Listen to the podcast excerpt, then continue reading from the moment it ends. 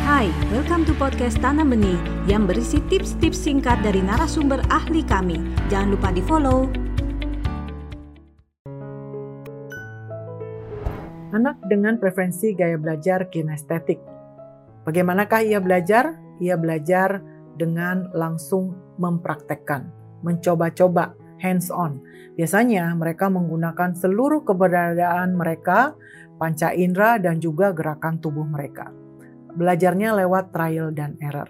Biasanya proses pengambilan keputusannya agak lama karena mereka belajar dulu, mencoba-coba lewat kesalahan sampai akhirnya ia paham.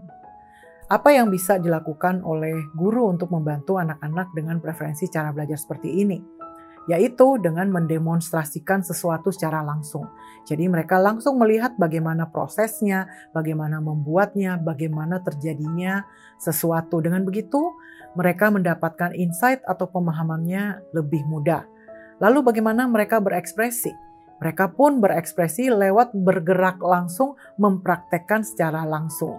Jadi mereka butuh ruang, butuh kesempatan untuk bisa mendemonstrasikan pemahaman atau ide-ide mereka itu.